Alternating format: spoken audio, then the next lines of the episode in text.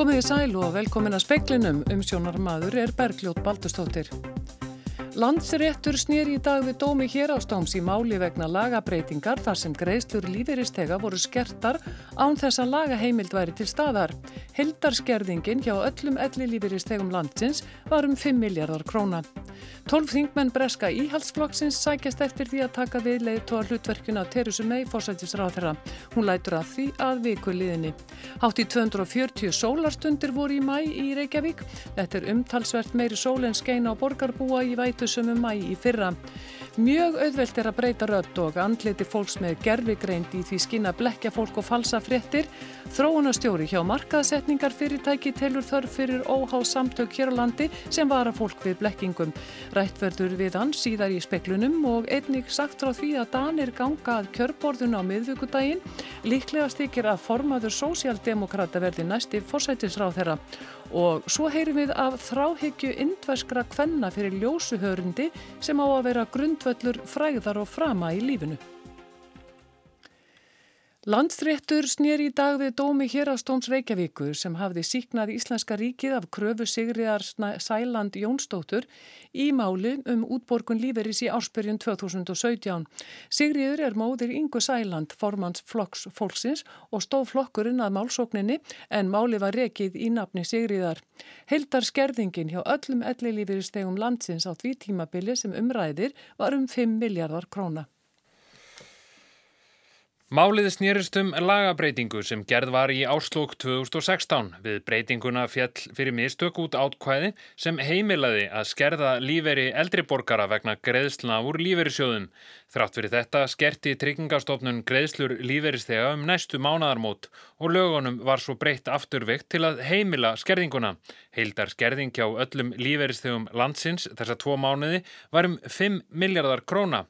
Landsréttur segir í dómi sínum að eftir gildistöku lagana hafi móður yngu átt kröfu á að fá ellilífiri greittan án skerðingar.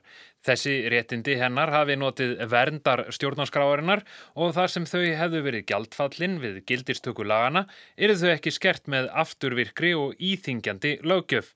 Inga Sæland segir í færslu á Facebook að þetta sé mikill gleðidagur. Trú mín á dómskerfið hefur vaksið til muna í dag, landsréttur að sína hversu mikils virði hann er varandi aukið réttaröryggi okkar borgarna, segir hún. Freyr Gríja Gunnarsson sæði frá. Tólti, tólti þingmaður íhjálpsflokksins í Breitlandi tilkynnti í dag hann gæfi kost á sér sem leiðtói flokksins og fórsættisráð þeirra þegar Theresa May segir af sér. Sá heitir Mark Harper og er óbreytur þingmaður. Boris Johnson, fyrirverandi utaríkisráð þeirra, nýtur mest fylgis sem artæki May. Hún lætur af ennbætti að vikuliðinni.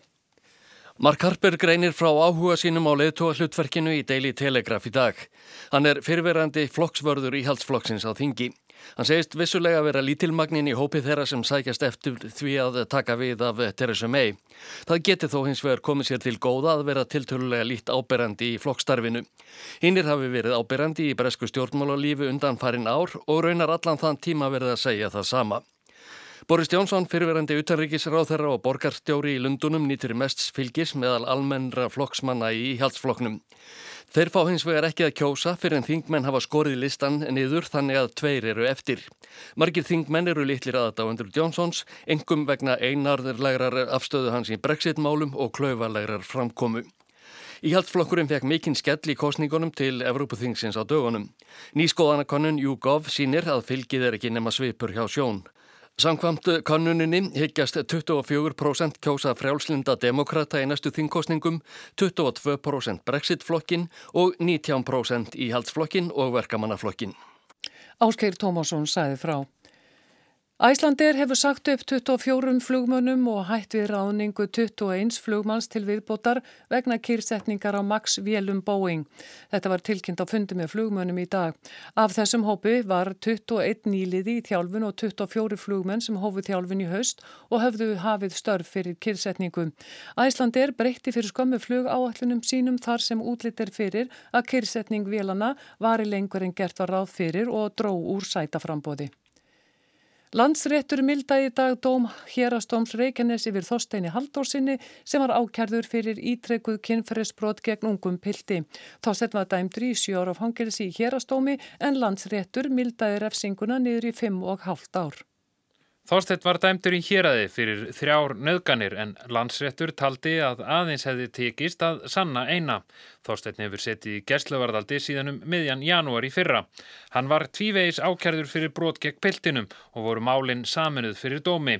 Í fyrri ákjærunni var hann gefið að sög að hafa brotið ítrekkað á piltinum um tveggjára skeið en í þeirri setni var hann sagður hafa nöðgað piltinum sem þá var 18 ára, alltaf 6 sinnum á gistiheimili á höfuborgarsvæðinu. Aðtegli vakti að lauruglan taldi sér ekkert geta gert þegar Þorsteit sást í fyllt með drengnum sem hann hafði þá verið ákjærður fyrir að misnota. Þremutugum setna var hann síðan handtekinn fyrir grófbúrátt gegn piltinum. Þorsteini var gert að greiðunum 3,5 miljón króna í miskabætur. Og Freyr Gíja Gunnarsson tók saman.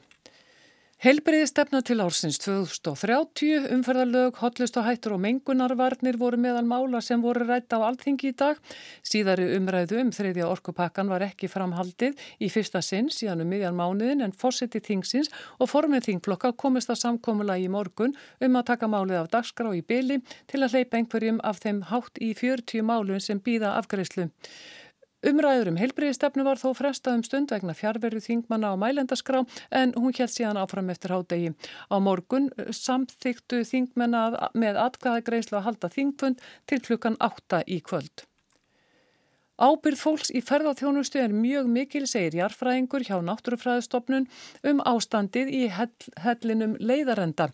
Búið er að brjóta flesta drópasteina í hellinum og króta á veggi. Grýpa þurfti til aðgerða til að vernda raunhella. Sko ábyrg ferðarþjónustu aðila er mjög mikil. Það þarf náttúrulega að passa vel upp á þessar gersemar sem við eigum og það er ekkert sjálfgefið að það séu hundruð manna sem fara niður í sama hellin á, á hverjum degi ef eftirlitið er ekki gott og það er það sem hefur skort með hell á Íslandi. Og þetta var Lofísa Áspjósdóttir og meina verður fjallað um þetta í sjómasfréttum. Sigurður Ingi Jóhansson samgöngur á þeirra lagði til á fundi ríkistjórnarinnar í morgun að veðurmælingar og flugprófanir hefjist í kvassarhaunni á komandi hausti. Áallar kostnaðar við þessar prófanir er um 30-50 miljónir króna og þær geta tekið alltaf tvö ár. Rögnun nefndin svo kallaða sem skilaði niðurstöðun sínum á úttekt á framtíðar flugvallarmálum árið 2015 valdi Kvassarhaun sem vænlegasta kostin.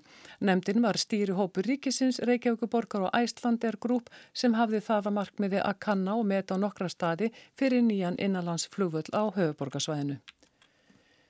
Alger umskipti voru í veðri núna í mæ miða við sama mánuði fyrra. Þá skein sól aðeins í 150 stundir í höfuborginni en núna í mæ voru sólastundir hátt í 240. Kristín Björg Ólafstóttir stundar veðurfarsrannsóknir á Veðurstofu Íslands. Það eru komnar 227 stundir og það eiga einhverjir eftir að bætast við í dag, kannski um það byrj 10, séum til hvað, hvað verður skíjað í dag, þá munið að renda mellir 230 og 240. Er þetta meirað minna heldur en í fyrra? Þetta mun meira enn í fyrra. Þá voru 150 stundir í mæ sem var alveg vel undir meðalagi og meðan við erum komin vel yfir meðalagi núna. Hvað er langt sína hefur verið svona mikið sól í mægi Reykjavík? Þetta er nú alveg langt frá ykkur meti en það var til dæmis árið 2015, þá voru tölvert fleiri sólskinstundir í mæ heldur en núna. En þá var svolítið öðru sér tíð, það var mun kaldara árið 2015 og gróður komin mun stittra á veg og svo leiðist þannig að það er alveg gjör og líkt ástand eins og við nú. En hvernig er þetta svo eigilstöðum? Það er einmitt allt öðru sér heldur en var í fyrra hjá þeim. Þá voru þeir vel yfir meðalhita það var alveg nánast þremur gráðum hlýra þar heldur en meðalagi í fyrra en þeir eru örlítið undir meðalhitanum núna. Og þetta var Kristín Björg Ólafsdóttir og Kristín Sigurðardóttir talaði við hana.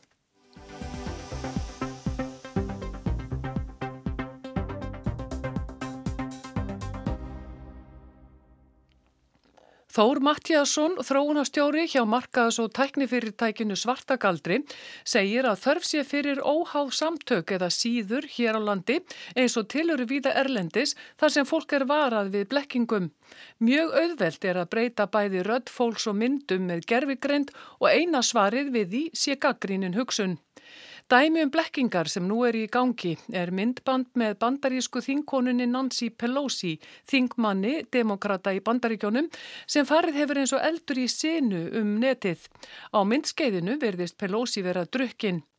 Myndbandið er falsað og hafa fjölmarkir fréttamiðlar sagt frá því og leift fólki að heyra hvernig hún hljómar í raun og veru og svo hvernig hún hljómar þegar átt hefur verið við myndbandið. Þessi bútur sem við heyrum var byrtur á vefsíðu The New York Times. We want to give this president the opportunity to do something historic for our country. While there are those in our family who think, why would you work with him if he, you know, and, and basically he's saying back to me, why would I work with you if you're investigating me? But the fact is, something happened there. We want to give this president the opportunity to do something historic for our country.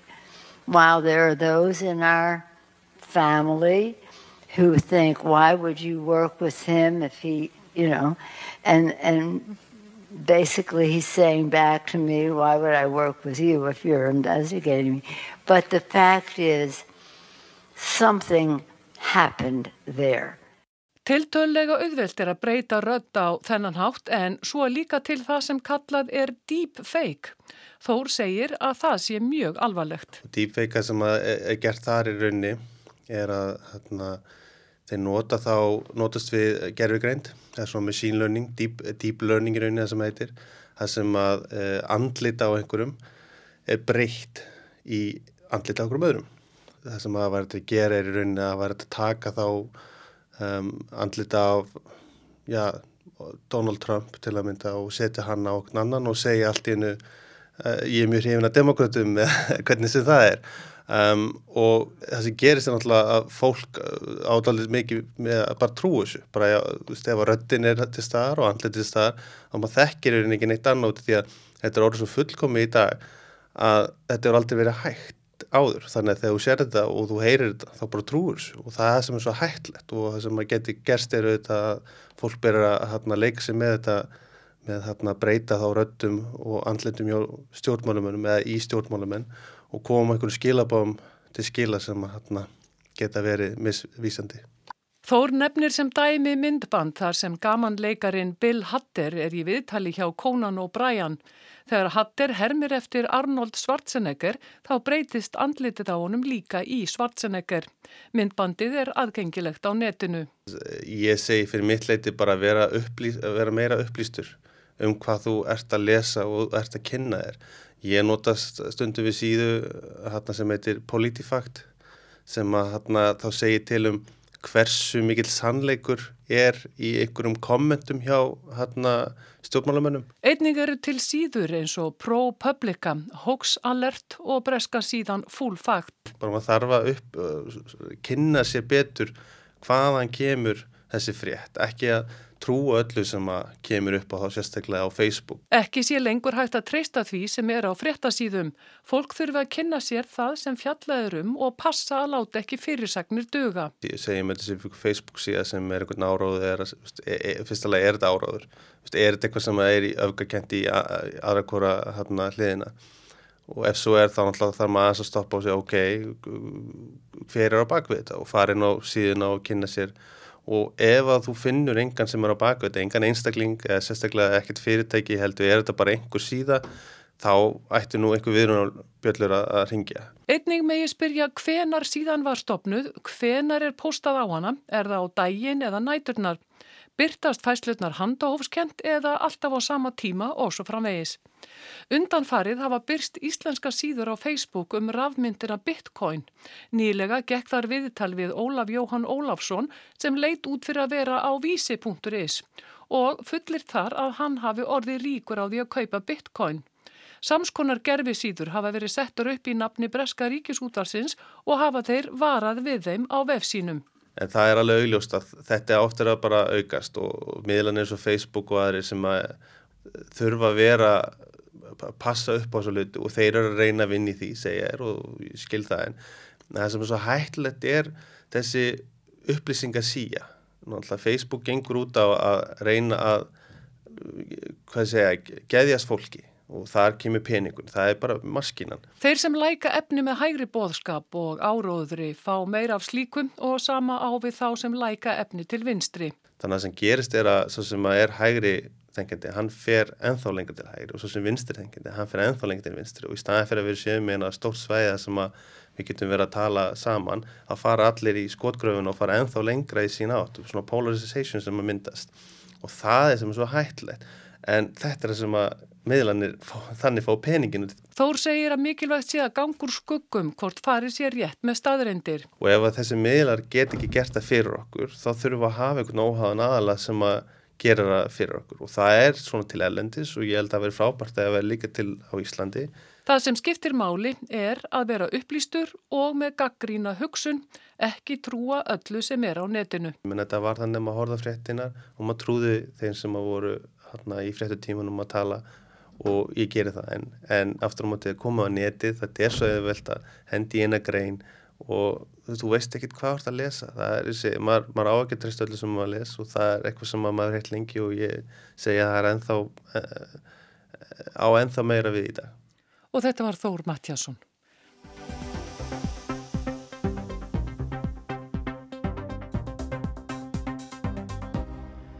Mestar líkur er nú taldar á því að vinstriflokkarnir sigur í dönsku þingkostningunum og að Metta Fredriksen formaðu sósjaldemokrata verði næsti fórsættistráðara. Óljóst er hvernig stjórn henni tekstaðan mynda ef þetta verður niðurstaðan. Kosi verður á miðvíkudagin í næstu viku. Kostningabaráton í Danmörkur að loka metrónum. Flokkarnir þar voru fljótir að setja sér í kostningastellingar eftir að Lars Lökke Rasmussen, forsættistráðara og formaða venstri búaði til kostningan. Það er yfirleitt þannig í Danmörku að aðdragandi kostninga er stuttur, kostningabaróttan er snörp og stendur yfir í stuttan tíma, að minnst á kosti miða við það sem við þekkjum hér heima. Dönsku flokkarnir eru tilbúinir frá fyrsta degi og allt fyrir á fulla ferð. Lars Lökke hefur verið forsætistráður að þetta kjörtjöfabili í þryggja flokka hægri ríkistjórn, Venstre, Liberali Alliansi eða frjálslinda bandalagsins og íhjálpsflokksins. Í kostningunum í Danmörku takast á vinstri og hægri blokkin eða svo rauða og svo bláa. Nú hallar undan fæti hægra megin sem skýrist engum af fylgistabi danska þjóðaflokksinn sem vann mikinn sigur í síðustu kostningum. Sigur Ólarsson, stjórnmálafræðingur og frangvöndastjóri Vestnorræna Rásins rætt um stöðunni í dönsku kostningunum á fundi sem Norðurlönd í fókus og Norrannafélagi stóðu fyrir.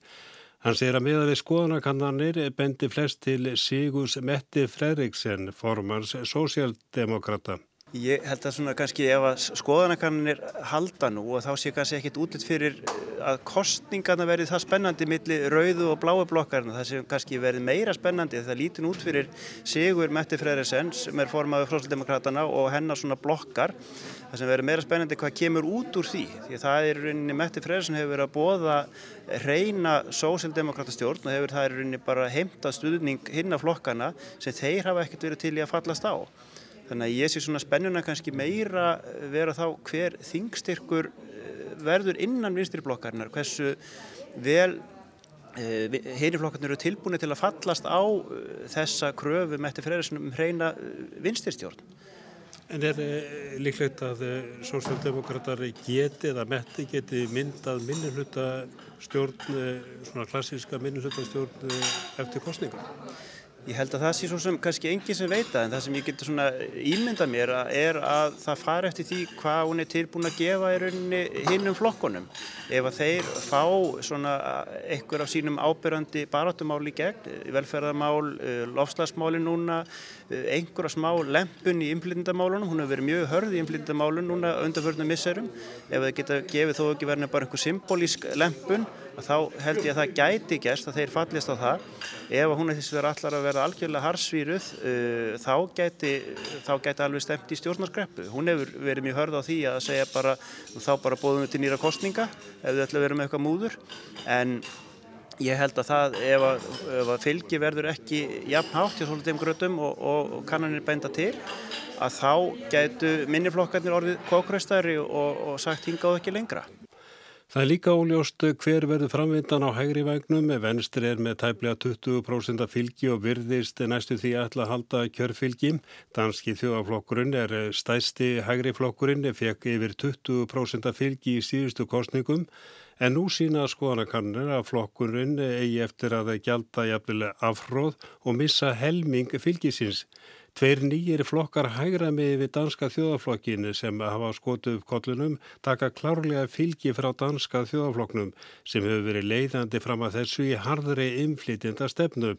Staðalars lökk er óljós því það gæti reynst erfitt fyrir hann að mynda ríkistjórn á hægri vagnum. Lars Lökke náttúrulega, hann er kallaður eh, á dönsku pólitískur honverkar og, og hann, hann kunni þessa kunst, pólitíkina og að hann sé, sé með nýju líf eins og kötturinn. Það er eins og spurning hvort hann er búin með öll þessi nýju líf. Eh, hann er auðvitað búin að fara gegnum ímismál og, og það voru mikil hjaðninga við innan venstri fyrir síðustu kostningar og það býða menn þar eh, með nývana tilbúin að reyka í bakið á hann ef þetta gengur ekki nógu vel ef að svo framheldur sem horfir að venstri og hæriblokkin tapar þessum kostningum þá held ég að sé útséð um, um framtíð Lars Lökka í politík þá muni hann líklegast lýsa því yfir á kostningarnótt að hann sé hættur eða muni hætta.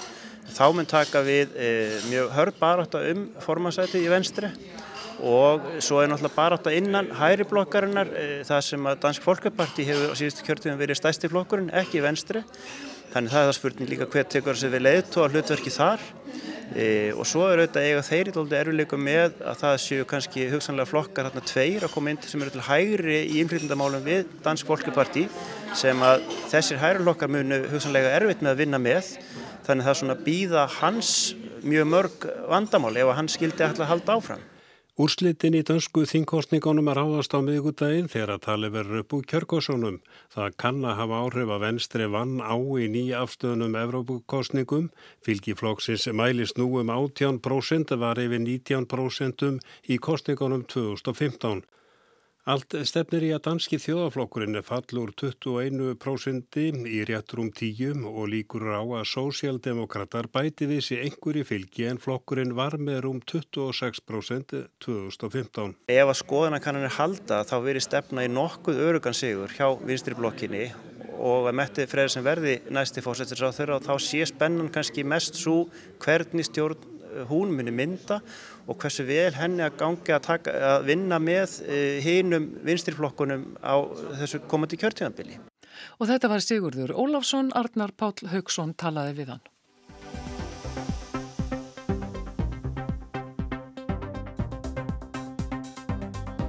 Indverskar konur eigða miljardi bandaríkjadala ár hvert í að kvíta húðina. Konur sem taka þátt í fegurðarsankjefnum eru allar ljósar á hörund og allar stjörnurnar í Bollywood.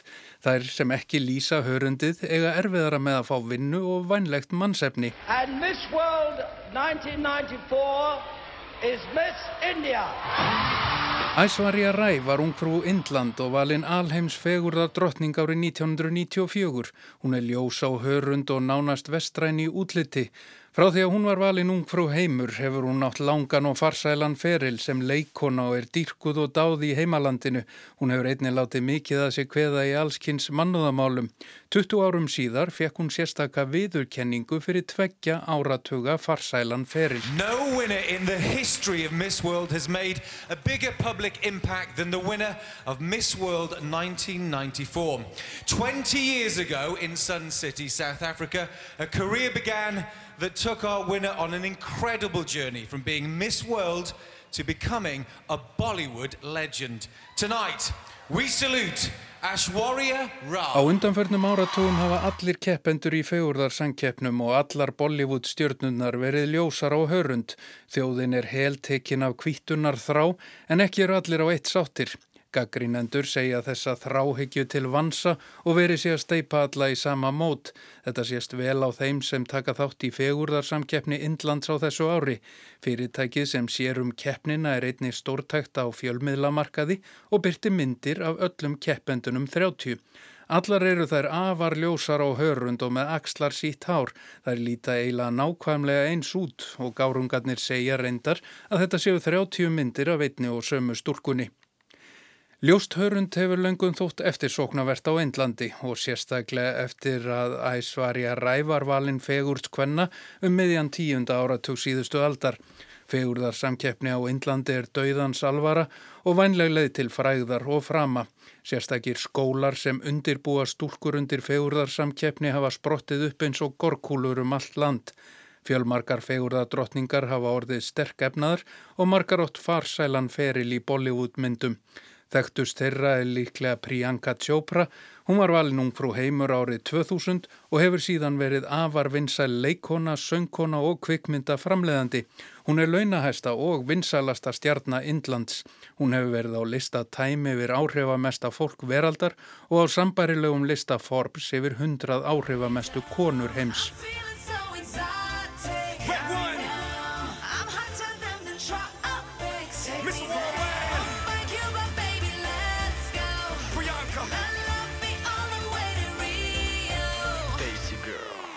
Ljóst hörund hefur alltaf verið eftirsótt og þótt vænleg leið til frama og hjúskapar. Það var á áttunda áratögnum sem fyrsta kvítunarkremið kom að markað. Ljós og indisleg hitt kremið og heitir enn. Allar göttur síðan hafa snirti vörur sem lýsa húðina selst eins og heitar lumur. Bollywood stjörnurnar auglýsa þessa vörur grimt og allir vilja líta út eins og Bollywood stjörnurnar. Konurna voru ekki lengi einar um heituna. Því árið 2005 kom á sjónarsviði kvítunakrem fyrir Karla, ljós og glæsilegur hétt það. Bollywood stórstjarnan Shahrukh Khan dásamaði þetta kvítunarkrem en myndbandið við vinsalasta lag hans er með tekið upp í reynisfjöru og víðar á Íslandi.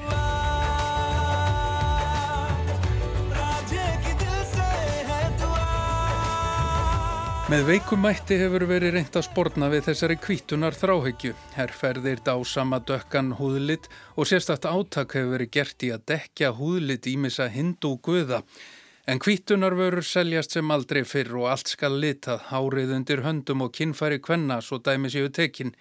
Talið er að indörskar konur kaupi kvítunarvörur fyrir 50 miljardar rúpía árlega eða sem nefnur um miljardi bandaríkjadala. Talsmenn kvítunar segja eðlilegt að konur vilji lýsa húðina, ekkit ósipað og að flestar konur nota varalitt. Aðri segja þess að þráhyggju gegn síra allt þjóðfélagið, alla á fordómum og rústa sjálfströsti hinn að dekri. Konur með dökkan húðlitt fái mun síður vinnu, fái engin hlutverk og gangi bölvanlega að finna sér eigin mann. Allar Bollywood stjórnurnar eru ljósar og þær eru fyrirmyndirnar. Á Indlandi er sérstakt auglýsingar ráð sem árið 2014 setti reglur og viðmið til að spórna gegn því að fólk með dökkan húðlitt væri sínt sem óaðlaðandi, óhafmyggisamt og þunglind. Ekki mætti íta undir þá staðalmynd að henni dekkri ættu mun erfiðara með að ná sér í maka, vinnu eða frama í lífinu. Þetta hefur reynda litlu breytt. Allar stjórnurnar og allar fyrirmyndirnar eru ljósar á hörund og allir vilja vera eins og stjórnurnar og allir keppendur í feurðarsamkeppnum líta eins út allar hressilega kvítfegnar.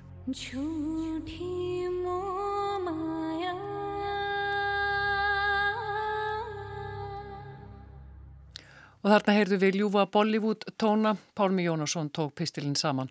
Veðurhorfur næsta sólarhingin, norð-austlaga 8-5-13 metrar á sekundu en heldur kvassara með suðaustuströndinni. Skíja með köplum sunnan til á landinu og sumstaðar skúrir engum síðdegis. Létt skíjaða mestu vestarlands en skíjað og úrkomu lítið norðaustan og austalands hitti 4-14 stig í dag, hlýjast í insveitum suðvestan til. Og það var helst í speklinum í dag að landsréttur snýri í dag við dómi hérastóms Reykjavíkur sem hafði síknað Íslenska ríkið af kröfu Sigriða Sæland Jónsdóttur í málum útborgun líferis í áspyrjun 2017. Tólf þingmenn breska íhalsflokksins sækjast eftir því að taka við leiðtóa hlutverkinu af Teresu mei fósittisráþra. Hún lætur af því að vikuliðinni. Hátt í 240 sólarstundur voru í mæ í Reykjavík. Það er umtalsvert meiri sól en skeina á borgabúa í vætusumum mæ í fyrra. Það voru aðeins 150 sólarstundir.